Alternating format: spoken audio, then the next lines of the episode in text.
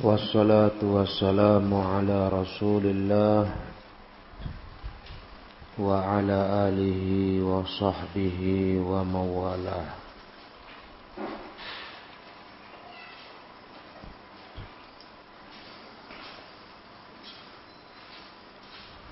Kita sampai di ayat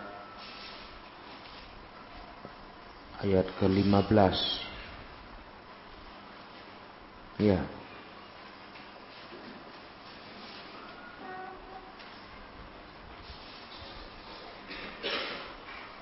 Masih berbicara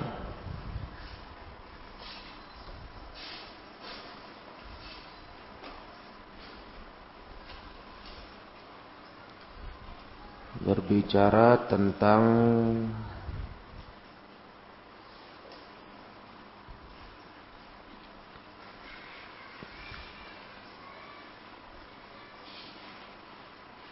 takutnya orang munafikin ketika terjadinya perang Khandaq.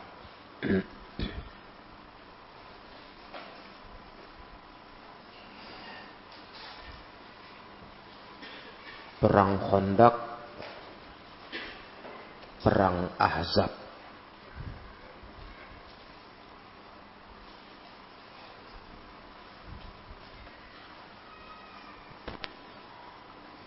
Sampai-sampai bukan hanya mereka takut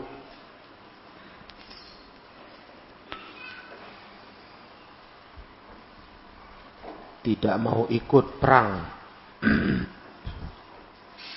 Bahkan mereka melakukan penggembosan. Tahu penggembosan kan menghasut orang supaya tidak ikut perang.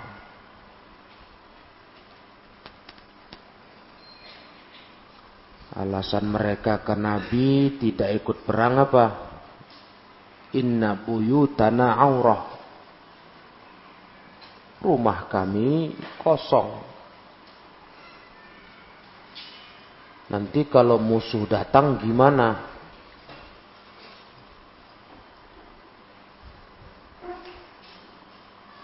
Maka harus kami jaga. Padahal musuh kalau datang bisa berhasil masuk ke kota Madinah, mereka tidak akan mungkin mampu melindungi rumahnya. Ya kan? Kalau masuk pasukan besar, pasukan koalisi ke Madinah, tembus pagar paret itu. Bentengnya kan paret, hondak. Kira-kira bisa mereka menjaga rumahnya itu? Tidak.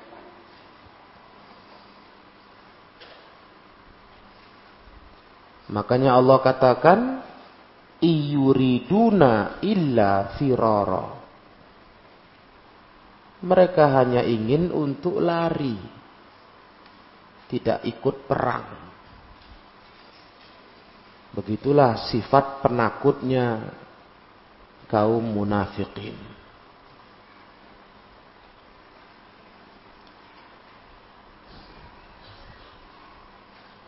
Padahal kata Allah di ayat 15.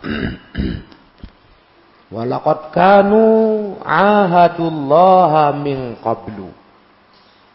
Padahal mereka sudah pernah berjanji kepada Allah sebelum itu. Apa janji mereka? La yuwallunal adbara.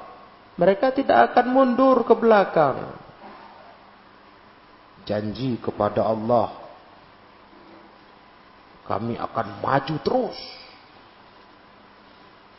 nggak akan mundur kami ternyata lari, ingkar janji. Itulah ciri-ciri munafik begitu. Nah, kalau berjanji, ingkar. Tidak tepat janji. Padahal janjinya kepada Allah. Wa kana ahdullahi mas'ula. Dan janji kepada Allah itu akan ditanya. Dimintai pertanggungjawabannya. Mereka berani kali ingkar janji kepada Allah. Nah, belum perang udah lari. Kan belum perang kan, perang kondak belum bentrok kan? Masih terpisah. Pasukan gabungan musyrikin dengan Yahudi di luar paret, ya. Rasulullah dan para sahabat di bagian dalam. Belum tempur, belum. Mereka sudah lari. Buruknya tingkah munafikin. Maka kata Syekh As-Sa'di, wal halu annahum qad ahadullaha min qablu la yuwallunal adbara wa kana ahadullahi mas'ula. Memang keadaannya seperti itu. Mereka sudah janji kepada Allah.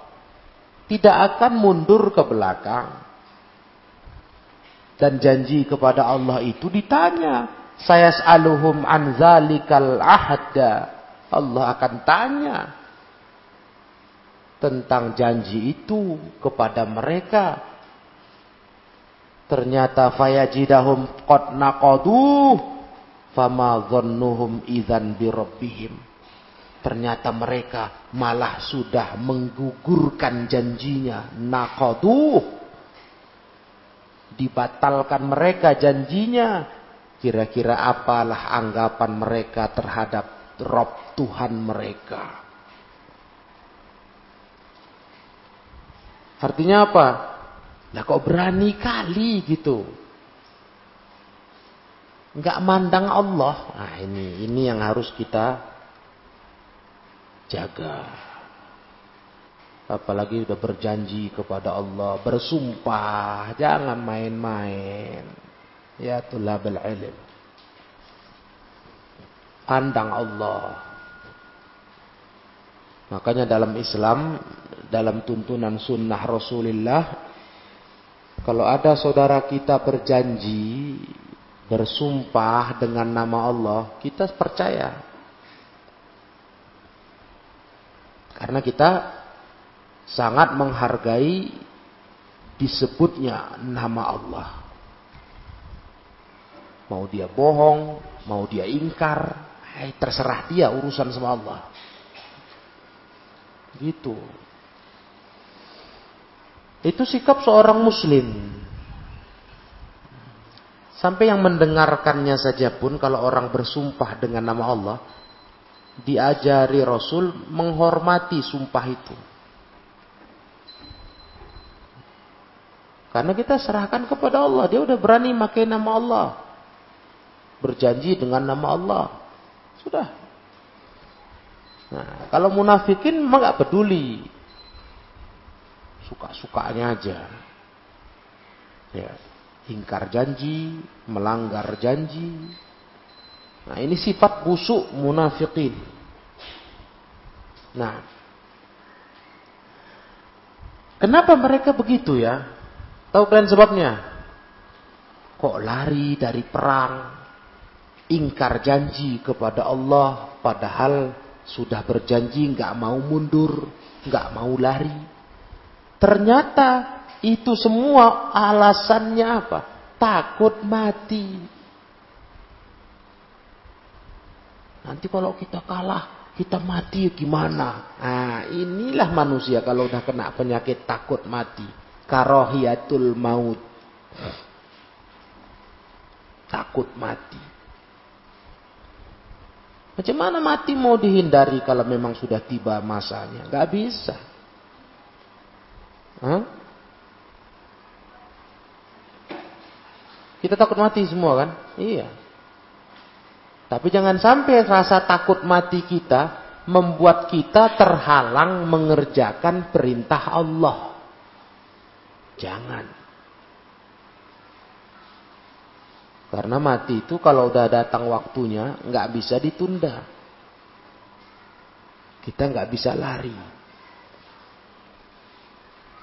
Udah harus tiba, ya datang dia. Walaupun kita nggak kena apa-apa. Duduk-duduk gini aja mati. Iya. Nah ini ayatnya. Allah tegaskan. Qul fa'akumul firaru in farartum minal maut. Minal mauti awil qatsli. Wa idhal la tumatta'una illa qalila. Katakan hai Nabi Muhammad. Tak akan memberi manfaat kalian kalau kalian lari dari mati, itu nggak berguna. Karena itulah alasannya. Mereka lari dari perang, mundur karena takut mati. Gak guna itu. Bilang ke mereka, kata Allah. Gak berguna. Mana bisa kita lari dari mati? Dan nggak ada orang mati melebihi jadwal, lebih cepat, nggak ada itu. Itu keyakinan bodoh, hurufat. Itu kan kalau nggak pergi perang dia nggak mati. Ah, mana ada itu? Itu kalau orang itu nggak dibunuh dia nggak mati. Makanya rohnya penasaran karena sebelumnya seharusnya belum mati kok mati.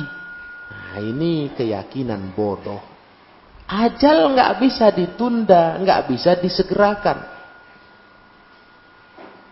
Paham nggak? Apa kata ayat? Fa'idha ja'a ajaluhum la yastakhiruna sa'atau wala yastaqdimun.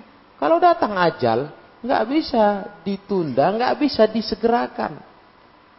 Jadi nggak ada orang mati belum waktunya gara-gara perang, gara-gara mengerjakan Islam. Nah, itu nggak ada. Memang mati itu udah pas sekali. Nggak bisa ditunda, nggak bisa disegerakan.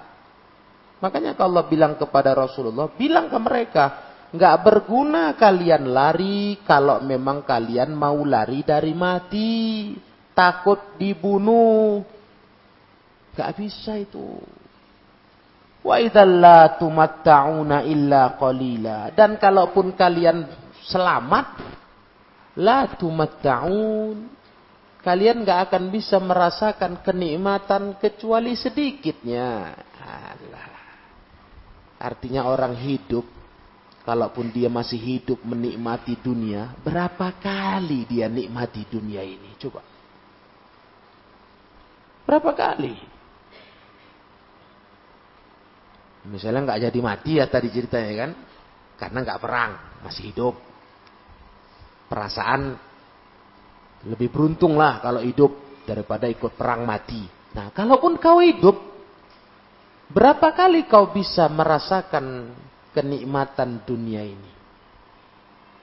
Nah, coba dulu. Berapa kali? Seberapa kali pun enaknya, kalaupun kau rasa. Nah, Nggak ada. Kita aja sekarang yang hidup lain, yang hidup. Masih hidup kita. Kita masih bisa menikmati dunia. Berapa kali enak dunia? Enak dunia ini cuma sebentar. Itu pun rasanya nggak lama. Kalau makanan masuk leher, lewat leher, hilang rasa. So, ada kalian pernah makan makanan paling enak sampai di perut masih terasa enaknya? Nggak ada. Di leher, di mulut enaknya, lewat lehernya. Segitu cuma. Hmm. Itulah dunia. Jadi kalaupun kalian mau lari dari mati, takut terbunuh, kalian mau hidup senang-senang, berapa kalian nikmati hidup ini?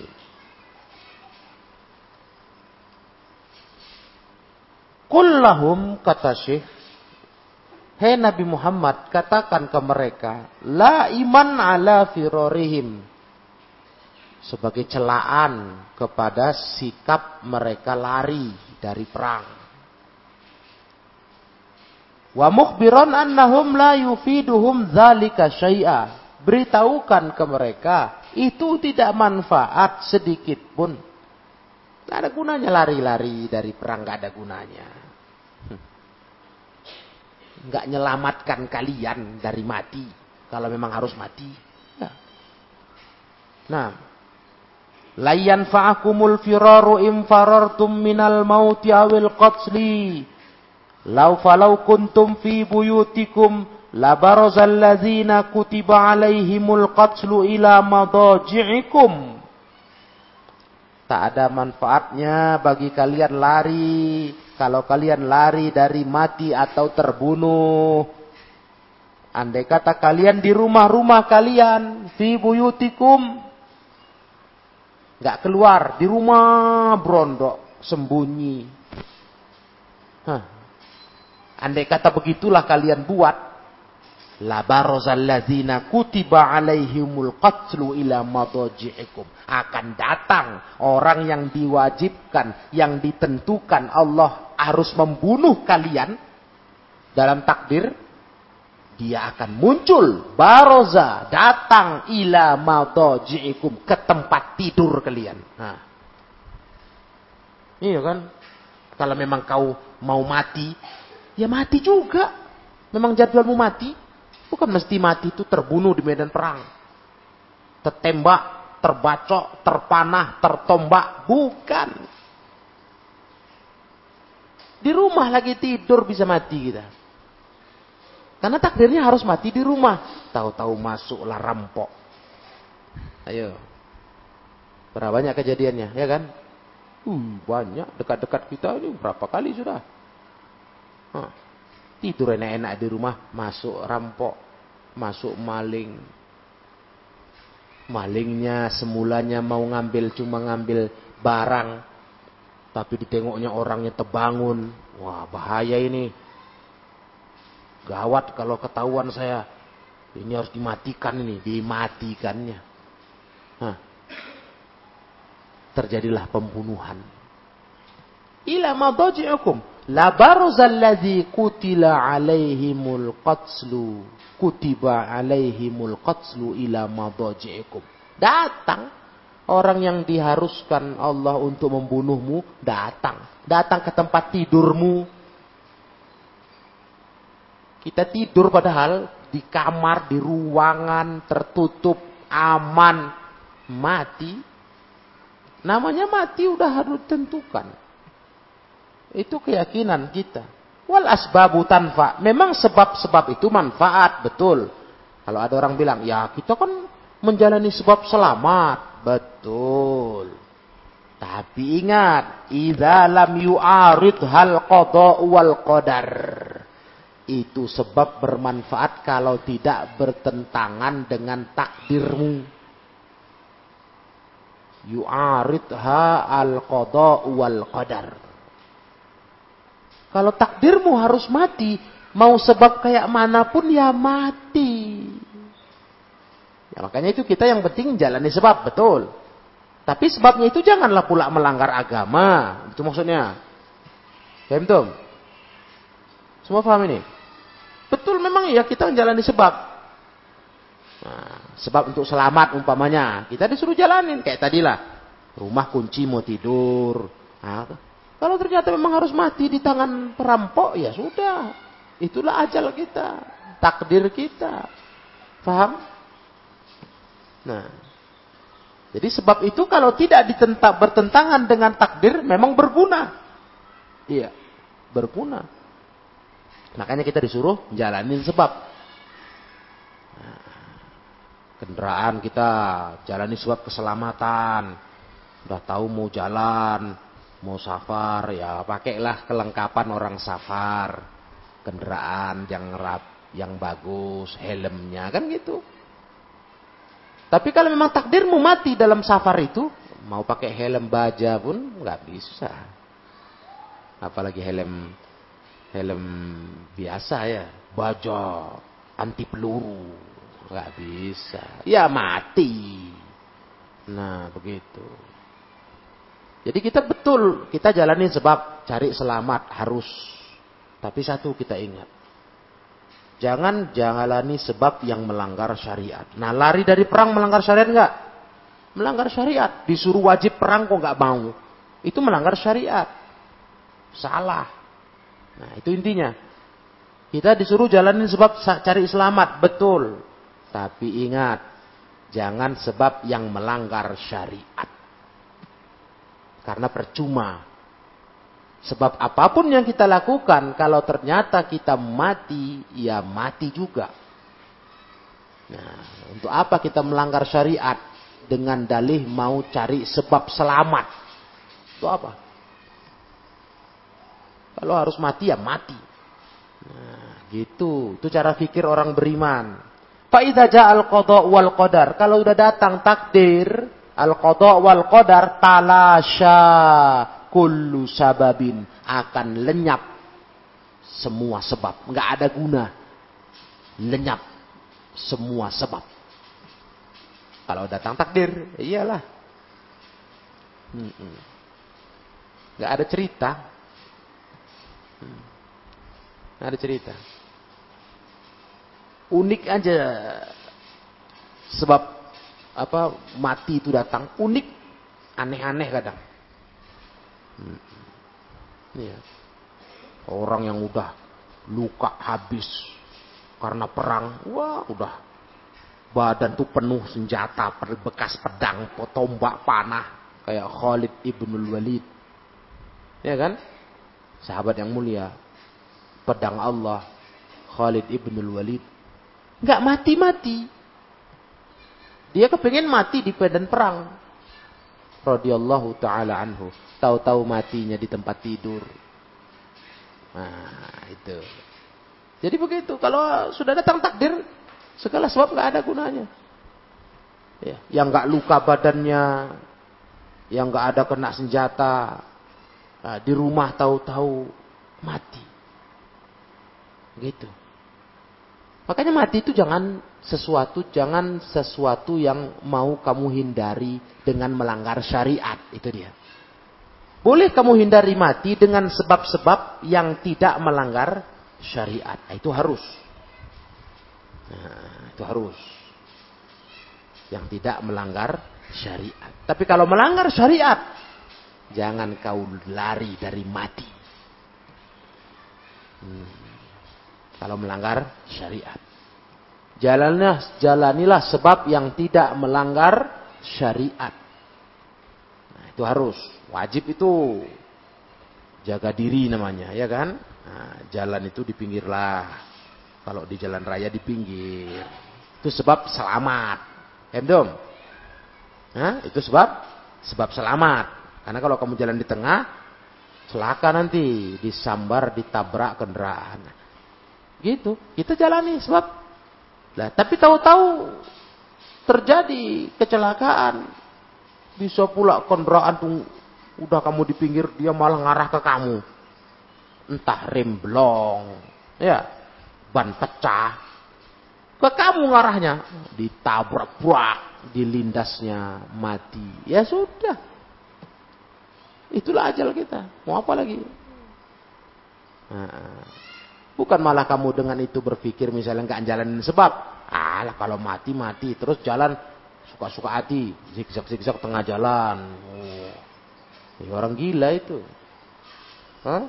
Dengan dalih, wah kalau mati ya mati. Nah, enggak gitu, kau salah paham. Nah, kita disuruh agama jalanin sebab menjaga diri. Tapi jangan yang melanggar syariat. Nah, jangan yang melanggar syariat. Nah, kak, contohnya misalnya berobat. Kita disuruh berobat kalau sakit kan? Nah, itu sebab untuk jangan mati berobat. Tapi ada orang nawarkan obat. Wah ini manjur kali, mantap. Hmm, obatnya mantap ini. Kau harus minum ini, biar sembuh, biar nggak mati. Eh obatnya apa? Aduh, cuma obatnya ada ada daging babinya. Misalnya, ini terbuat dari daging babi, lemak babi. Gimana? Memang betul berobat itu sebab menghindar mati. Tapi kalau melanggar syariat bagaimana? Dimakan? Tidak. Oh. Tidak bisa. Bilang sama dia yang ngasih obat tuh, kalau mati ya mati. Kalau obat begini dimakan, ini haram. Nah, gitu. Kita disuruh berobat tapi tidak melanggar yang haram. Jangan asal telan aja, mesti obat. Dari yang haram-haram dihajar aja. Waduh. Nah, itu namanya menjalani sebab yang haram. Jangan. Oh berobat ini mesti kok mesti berobat nih, mesti ke dukun misalnya. Nah, ini kau kena guna-guna ini ya, kau kena santet ini, harus bawa dukun. Kalau nggak bisa mati kau nanti. Dua hari lagi mati kau. Nah, biar aja mati. Ya, karena sebab yang mau dijalani sebab yang haram. Begitu terus pikiran kita. Nah, nah ini yang Allah ingatkan tentang ulahnya munafikin. Ya, kalau datang takdir nggak ada cerita, semua sebab hilang. Wabatolat kullu wasilah akan gugur semua wasilah. Nah, semua jalan untuk mengantarkan untuk mengantarkan kita selamat hilang kalau datang takdir. Dhannahal insanu tunjih yang dikira manusia bisa menyelamatkannya. Hilang semua itu. Apa pun yang bisa menyelamatkan manusia menurut dugaan kita. nggak berguna kalau ajal tiba takdirnya datang. Tidak bisa. Nah, cuma kalau dia berobat, dia berusaha dengan cara yang halal, bagus, tidak apa-apa. Kayak ada orang-orang kaya, kaya raya berobat, dia sakit. Karena orang kaya berobatnya ya kelasnya mahal-mahal ke luar negeri. Berobat sana, berobat, wah uang habis ratusan juta. Eh mati juga. Ya sudah, tidak apa-apa. Ya kan? Jalan yang dia tempuh sudah betul. Ah, dia tempuh jalan sebab-sebab untuk menghindari kematian dengan sebab-sebab yang syar'i. Berobat itu syar'i. Jangan terus kalian katakan, untuk apa berobat sampai banyak duit keluar? Toh kalau mati ya mati. Ah, ini salah. Ngerti? Ini salah fikir. Kita berusaha dulu. Nah, kayak tadi lah. Betul berusaha untuk jaga diri. Jangan kita dibunuh musuh. Cuma janganlah lari dari kewajiban perang. Betul kau disuruh jaga diri. Nah, jadi bagaimana jaga dirinya? Supaya kita jangan mati misalnya. Takut mati. Nah, pergi ke medan perang. Pakai baju perang. Pakai baju besi. Ya kan? Topi perang Wow. Terus siaga, jangan tidur di medan perang. Nah, musuh mau nyerang ngantuk tidur, eh, matilah kau. Siaga. Nah, jadi udah jaga diri dengan sebab nah, tempur, tempur, ajar, nah, gitu. Iya kan? Nah, itu baru betul. Karena kewajiban perang itu harus dijalani, jangan lari dari medan perang. Nah, di sini salahnya munafik. Maka jangan salah paham kalian. Munafik itu salahnya bukan mereka menjalani sebab menghindari kematian, bukan itunya saja. Mereka menjalani sebab yang haram. Lari dari perang itu haram. Sebab menghindari kematian itu harus, harus. Menghindari madarat istilahnya dalam dalam fikih. Ya. Daf'ul madar, menghindari madarat harus. Makanya hidupnya hati-hati. Jaga diri, jangan celaka. Tapi kalau datang takdir, ya sudah kena juga, nggak bisa. Mesti kena juga. Itu takdir namanya. Kalau kalau cerita takdir begitu, jalani sebab, tapi sebab yang syar'i. Nah, ya, masya Allah ya. Orang-orang munafikin tuh nggak ngerti mereka. Mereka kira bisa lari dari kematian. Iya. Wa idzan hina farartum litaslamu minal mauti wal qatli litwalitan'amu fid dunya dan ketika kalian lari untuk selamat dari kematian dan dari pembunuhan Dan supaya kalian bisa menikmati dunia, kan itu tujuannya. Kalau nggak mati kan masih hidup bisa senang-senang, makan, minum dan sebagainya, kan itu kan? Ya itu kan orang hidup begitu. Kita pun begitu kan? Kita takut mati, khawatir mati, karena kepengen apa? Hidup masih tambah panjang, masih bisa enak-enak, menikmati dunia kan begitu. Nah, tapi ingat kata kata Allah, fa innakum la tumatta'una illa qalila. Kalau kalian pun menikmati dunia ini, tidaklah kalian menikmatinya kecuali sedikit. Allah, dunia inilah. Enggak usah kan yang bisa kita nikmati. Seluruh dunia ini tetap nilainya sedikit dibanding akhirat. Seluruh dunia loh ya. Apalagi yang bisa kita nikmati. Coba dulu kalian jawab. Yang bisa kita nikmati terbatas tidak? Terbatas nggak? Terbatas lah. Satu, terbatas dari sisi kemampuan menikmati. Nah, itu ada batasannya. Nikmat makan, ada batasan nggak? Ya ada. Mana mungkin kita masukkan mulut terus? Ya nggak bisa. Pecah perut kita. Pasti ada batasan. Itu nikmat makan, nikmat pakaian. Ada batasnya. Nah, nggak mungkin kalian, kalaupun banyak duit, bisa beli gamis termahal, 10 biji pun bisa, 20. Nggak mungkin dipakai semua berlapis-lapis. Gila apa? Hah? Patung kalian. Iya kan? Satu-satu dipakai. Tuh, men batas menikmatinya. Atau terbatas memang kepingin menikmati, nggak bisa, duit tak ada, Nah, kan gitu kan? Pengen makan rendang tiap hari, tak ada duit. Nah, bisanya sekali-kali. Ah, itulah. Kan sedikit kan? Iya, terbatas. Sedangkan kalian yang kalau banyak duit tiap hari makan rendang. Seberapa, berapa, seberapa bisa kalian makan? Nggak bisa. Selain terbatas perut kita, selera kita pun nanti rusak. Udah nggak selera lagi kita. Ah, enak Bosan, ya kan? Bosan ya. Daging terus sih. Nah, itulah. Iya. Kalian aja disodorkan rea haji daging terus. Nah, geli leher itu. Baru mulai rindu sama si ikan asin. Ya. Bisa juga ikan asin dirindukan ya. Padahal dia sepele kali menunya. Tapi dirindukan dia. Betul? Nah, itu makanya. Maka boleh bilang kalian pernah tuh. Tukang jual kedai nasi itu. Mau nengoknya bosan dia. Apa mau dimakan? Ah, udah. Ah, pening dia. Ah, udahlah. Awak mau makan juga. Tapi mau mengambilkan yang di styling itu udah bosan dia. Apa yang selera ditengok-tengoknya. Orang dia tiap hari. Terakhir apa seleranya? Indomie. Nah, beli Indomie, rebus Indomie. Udah, Nggak mau lagi dia ngambil itu udah nggak tapi terbayang dia udah tahu dia semua rasanya udah sering. Alah bosan sudah. Nah itulah hidup hidup dunia ini. Nah, makanya kata Allah apa? La tumatta'una illa qalila. Sedikit aja. Kalian mau lari dari perang, kan mau itu kan, mau senang-senang di dunia. Dunia ini sedikit. Enaknya sedikit. Betul itu. Nah, kita sudah tahulah dengan pengalaman masing-masing. Dunia ini se sedikit senangnya sebentar.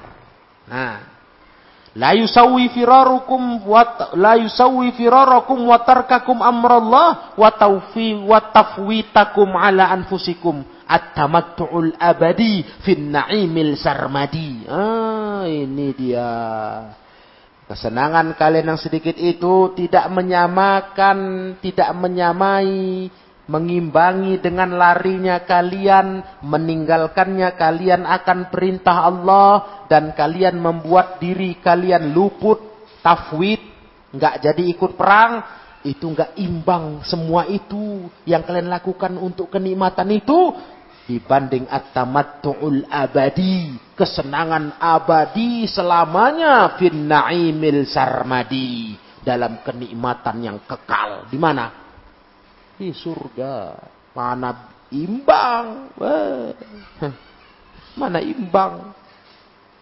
kesenangan sedikit yang kalian ingin dapatkan dengan cara lari dari perang, meninggalkan perintah Allah, meninggalkan jihad.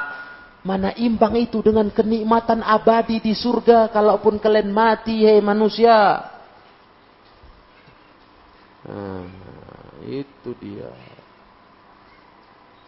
Paham dong? Makanya nggak ada ceritanya orang yang sudah mati dan dia sudah tahu surga, nggak ada ceritanya dia rindu balik ke dunia. Yang rindu balik ke dunia siapa? Coba dulu kalian ingat-ingat. Yang selalu di Quran itu, duhai celaka saya, duhai kiranya aku balik ke dunia. Siapa?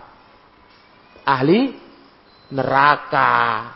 Itu yang rindu balik ke dunia. Kenapa? Nggak tahan tengok neraka Allah. Jadi rindu balik ke dunia. Adapun orang beriman ahli surga, mana rindu dia sama dunia ini.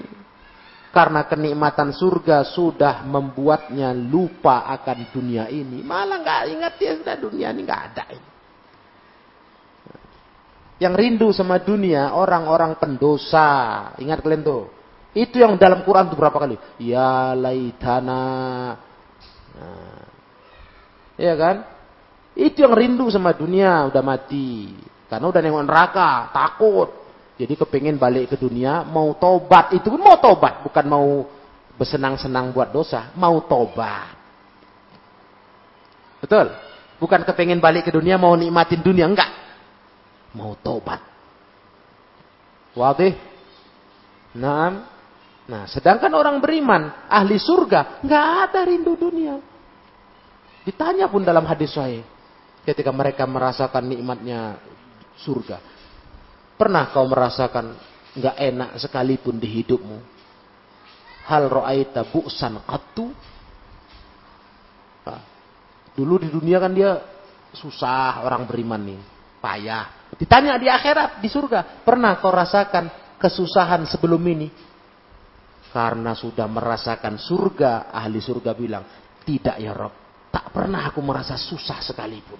Padahal dulu di dunia susah. Tak ingat lagi sudah. Itulah nikmatnya surga. Nah jadi, jangan jadi orang takut mati dengan menjalani sebab-sebab yang dilarang agama. Nah, itu yang nggak boleh. Tapi kalau takut mati saja itu fitrah. Fitrah. Ya kita ini memang gitulah hidup ini. Cemas, takut mati. Tapi jangan gara-gara itu kita melanggar larangan agama untuk cari selamat, cari hidup. Jangan. Jelas? Ya? Nah, jangan. Kamu takut mati karena kelaparan. Iya, takut mati aku kelaparan. Apa jalan jalan selamat kalau kelaparan? Makan. Tapi nggak ada makan halal, yang haram ada. Cara haram maksudnya apa? Merampok, mencuri, menggarong, membegal. Jangan. Jangan jalani sebab haram. Gara-gara takut mati. Nah, kita takut mati. Karena itu kita ini belum tahu surga Allah itu kayak mana. Belum nengok baru tahu dengar kabar. Makanya kita di dunia ini ya, dengar tulabul ilm, kita masih mengira ini yang paling enak dunia ini, paling membahagiakan, paling menyenangkan. Soalnya Makanya kalau kita bayangkan mati ngeri sendiri kita. Is, aduh aku nggak jumpa lagi sama Abi, sama Umi, sama keluarga, sama istri, sama suami. Wih, bayangkannya. Wih, ah, ya kan? Padahal kalau mati orang beriman, eh, mana ada yang disesalkannya dunia ini. Di kubur aja udah senang dia. Nik, nikmat kubur udah merasa, wah, ditunjukkan surga surga kepadanya pagi sore. Wah, enak kali orang di kubur itu ahli, orang beriman. Ruhnya diangkat ke langit ke di perut burung-burung hijau di surga ya kan? Hmm. Apa lagi? Itu orang beriman. Cuma kan kita nggak belum jalanin itu. Bayangan kita ke situ aja. Waduh mati, aduh nggak jumpa lagi sama orang tercinta. sama adik-adik, abang-abang, kakak-kakak semua. Ah, itu ngeri-ngeri Wah, bayangkan. Wis. Tidak.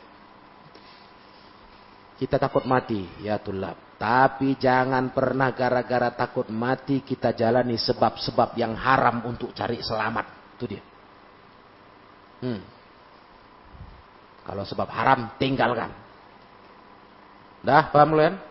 Itulah yang ditegur Allah kepada kaum munafikin dulu. Jangan kalian lari dari mati dengan cara membangkang atas perintah jihad. Kalian disuruh semua jihad sama Rasul. Kok malah lari balik ke kota. Ke rumah berondok. Nah, ini salah.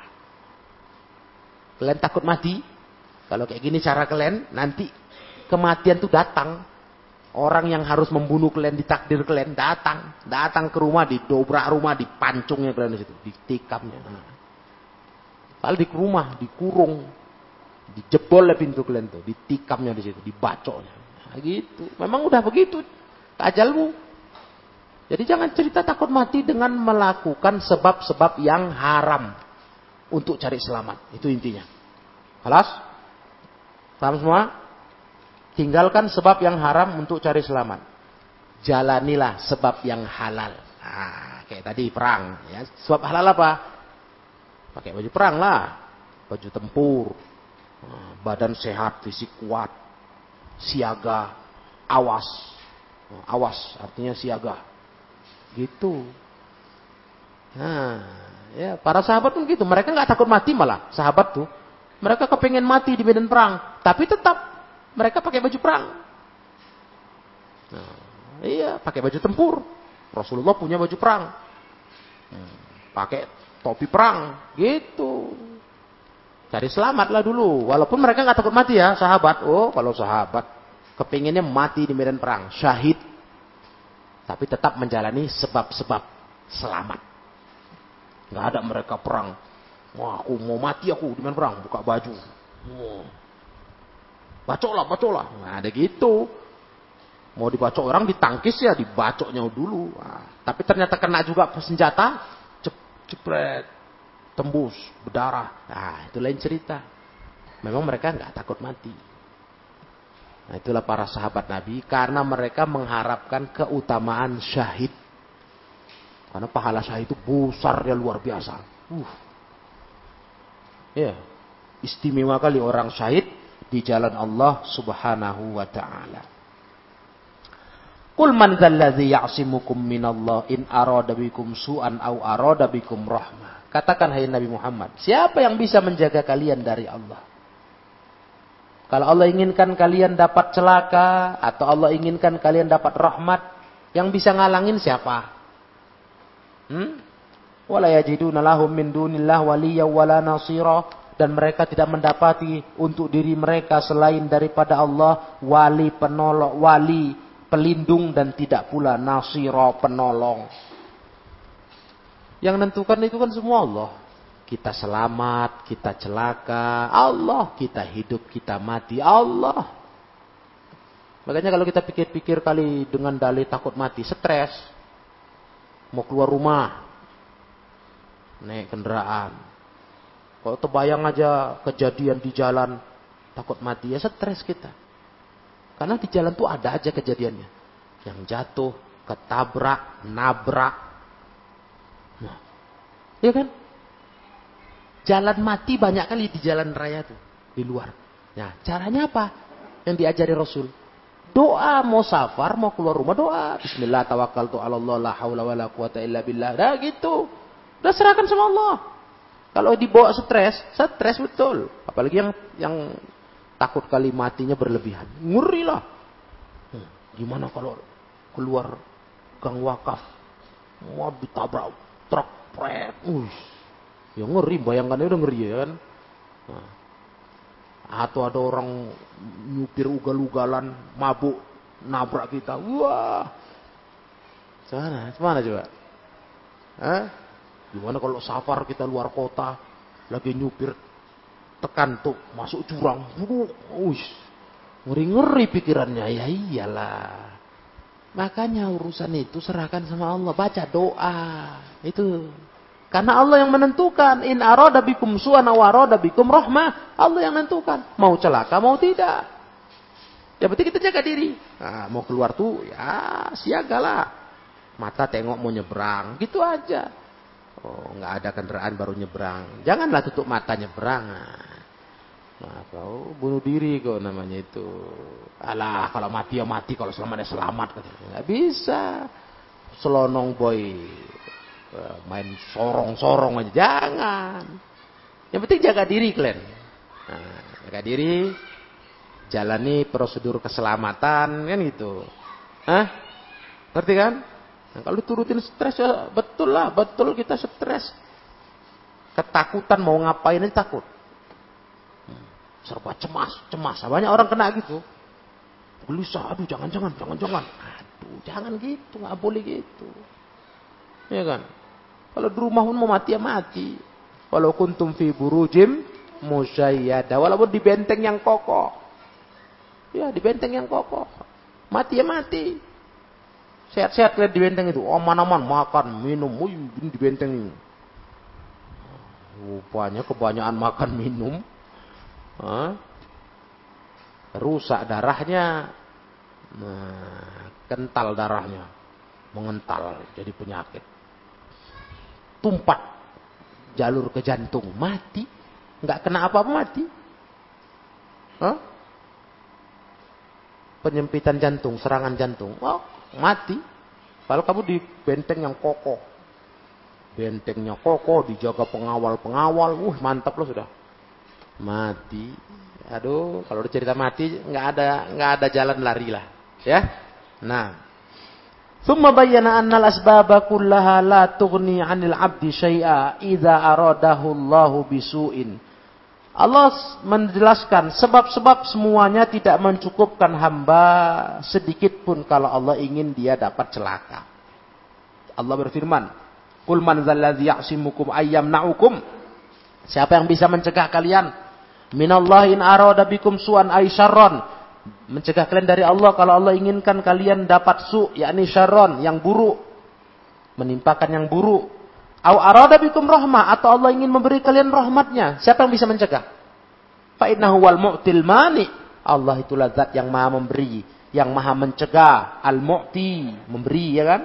Mani mencegah. Ad-darun nafi yang maha memberi madarat, yang maha memberi manfaat, alladzi la ya'ti bil khairi illahu wa la yadfa'u su'a illahu, yang tidak bisa mendatangkan yang baik kecuali hanya Allah, tidak bisa menolak yang buruk kecuali hanya Allah. Betul nggak? Walaupun manusia semua berkumpul kata hadis tuh. Hadis walau walaupun berkumpul semuanya khalqu semua untuk memberi kau manfaat. Ayan fa'uka bisyai'in memberi kau manfaat. La yanfa'uka illa bisyai'in illa qad katabahu Allah lak. Enggak bisa mereka ngasih manfaat kecuali yang Allah takdirkan. Atau kebalikannya semua manusia ingin memberi kau madarat celaka. Enggak bisa mereka memberi kau celaka kecuali yang Allah takdirkan. Nah itu dia. Ya kan? Itu. Jadi walaupun sudah harus celaka menurut pikiran orang, mati dia nih, kita kerjain, kita kroyok. Nggak mati ya, nggak mati. Selamat. Nah, itu semua kembali kepada kehendak Allah Ta'ala. Mereka nggak akan mendapati selain daripada Allah sebagai wali, sebagai wali yang melindungi mereka yatawallahum Fayajlibu lahumun naf'a yang bisa menarik manfaat untuk mereka. Enggak ada. Pelindungnya enggak ada, wala nasira. Tidak ada pula penolong yang yansuruhum menolong mereka. Fayadfa'u anhumul madar yang menolak madarat dari mereka. Enggak ada. Kalau bukan Allah. Makanya doa itu masya Allah itu. Bismillahi tawakkaltu ala Allah. La haula wa la illa billah. Itu doa safar Iya, mantap kali itu. Baca, keluar rumah baca. Mana ada daya daya upaya dan kekuatan kecuali milik Allah. Ya kan? Baca itu. Serahkan sama Allah. Pasrahkan kepada Allah. Berlindung dari kejahatan, dari bahaya. Gitu.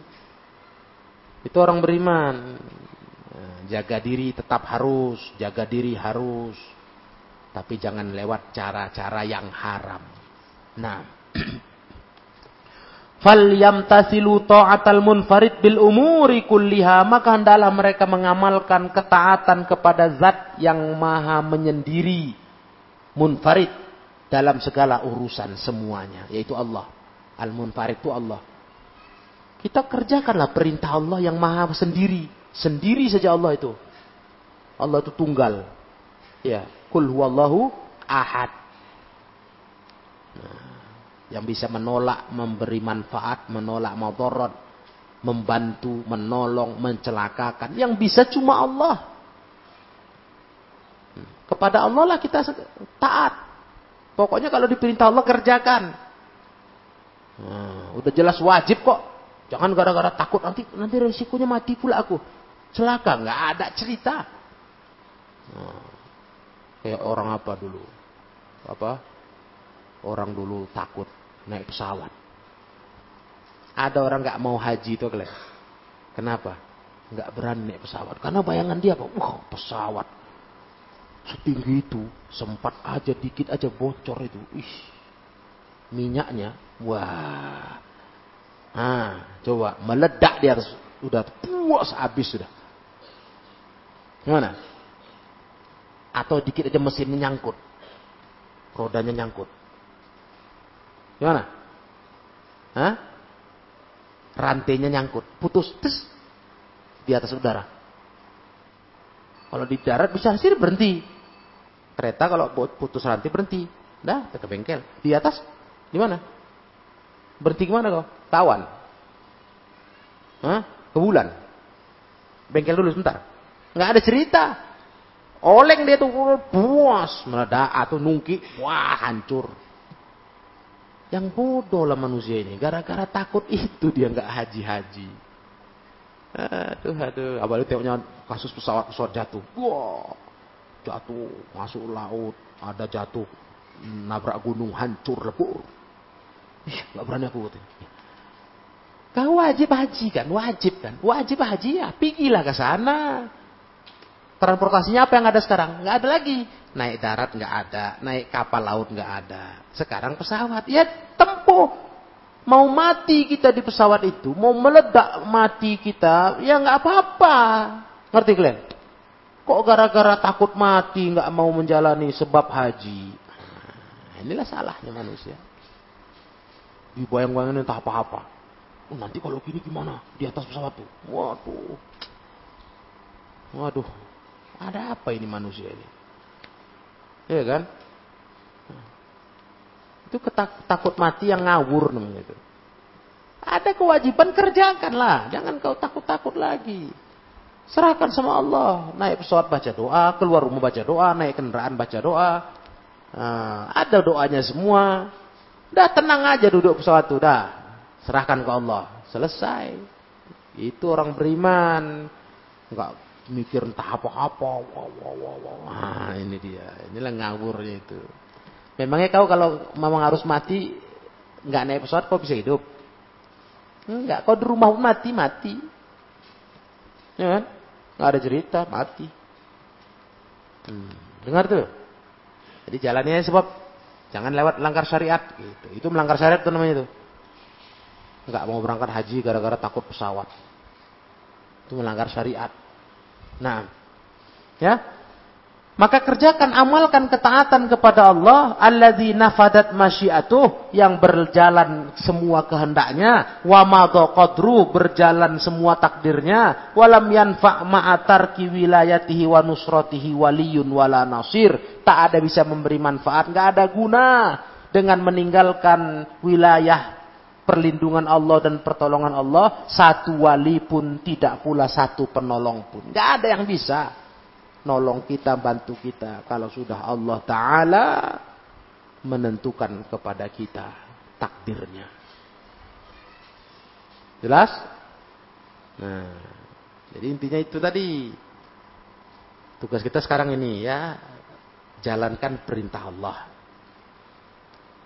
jaga diri kita dengan jalan yang halal. Sebab-sebab untuk jaga diri jangan celaka yang halal kerjakan. Kelas. Nah, selebihnya serahkan ke Allah. Dah. Mati itu pasti sudah jadwalnya tetap. Tidak bisa ditunda. Cuma bukan pula kita sembrono asal-asalan. Enggak pula gitu. Ah mati udah pasti mati kok. Terus kok asal-asalan. Ya. Nah, udah tahu ada tangga naik ke atas. Ah. Aku mau loncat aja dari tembok itu. Kalau mati mati, kalau enggak enggak. Ya. Kau kerjakan dulu sebab-sebab selamat. Iya. Memang betul yang naik tangga turun tangga pun ke kamar atas. Kalau mati ya mati. Betul. Namanya mati udah pasti. Cuman bukan maknanya kau sembrono. Malah loncat dari tembok pagar ke bawah. Biar cepat katanya. Ya. Nah inilah contoh-contoh yang ngawur namanya. Ya kan? Nah itu ngawur namanya itu. Jadi cara pikirmu betulin dulu. Kita disuruh jaga diri, hindari bahaya, hindari dari celaka, tapi tidak dengan jalan yang melanggar agama. Paham Nah, itu kesimpulan kita. Dan tugas kita kerjakan perintah Allah. Sesuai aturan. Urusan resikonya serahkan ke Allah. Nah, urusan Allah itu. Itu aja hidup nih ya. Nah, kalau itu aman kita. Jauh kita dari sifat kaum munafikin yang takut perang, lari dari perang di zaman Nabi Shallallahu Alaihi Wasallam. Ilahuna, sampai di sini pelajaran kita. Nanti kita lanjutkan di pelajaran yang akan datang insyaallah taala. Berarti ayat 17 ya, terakhir ya.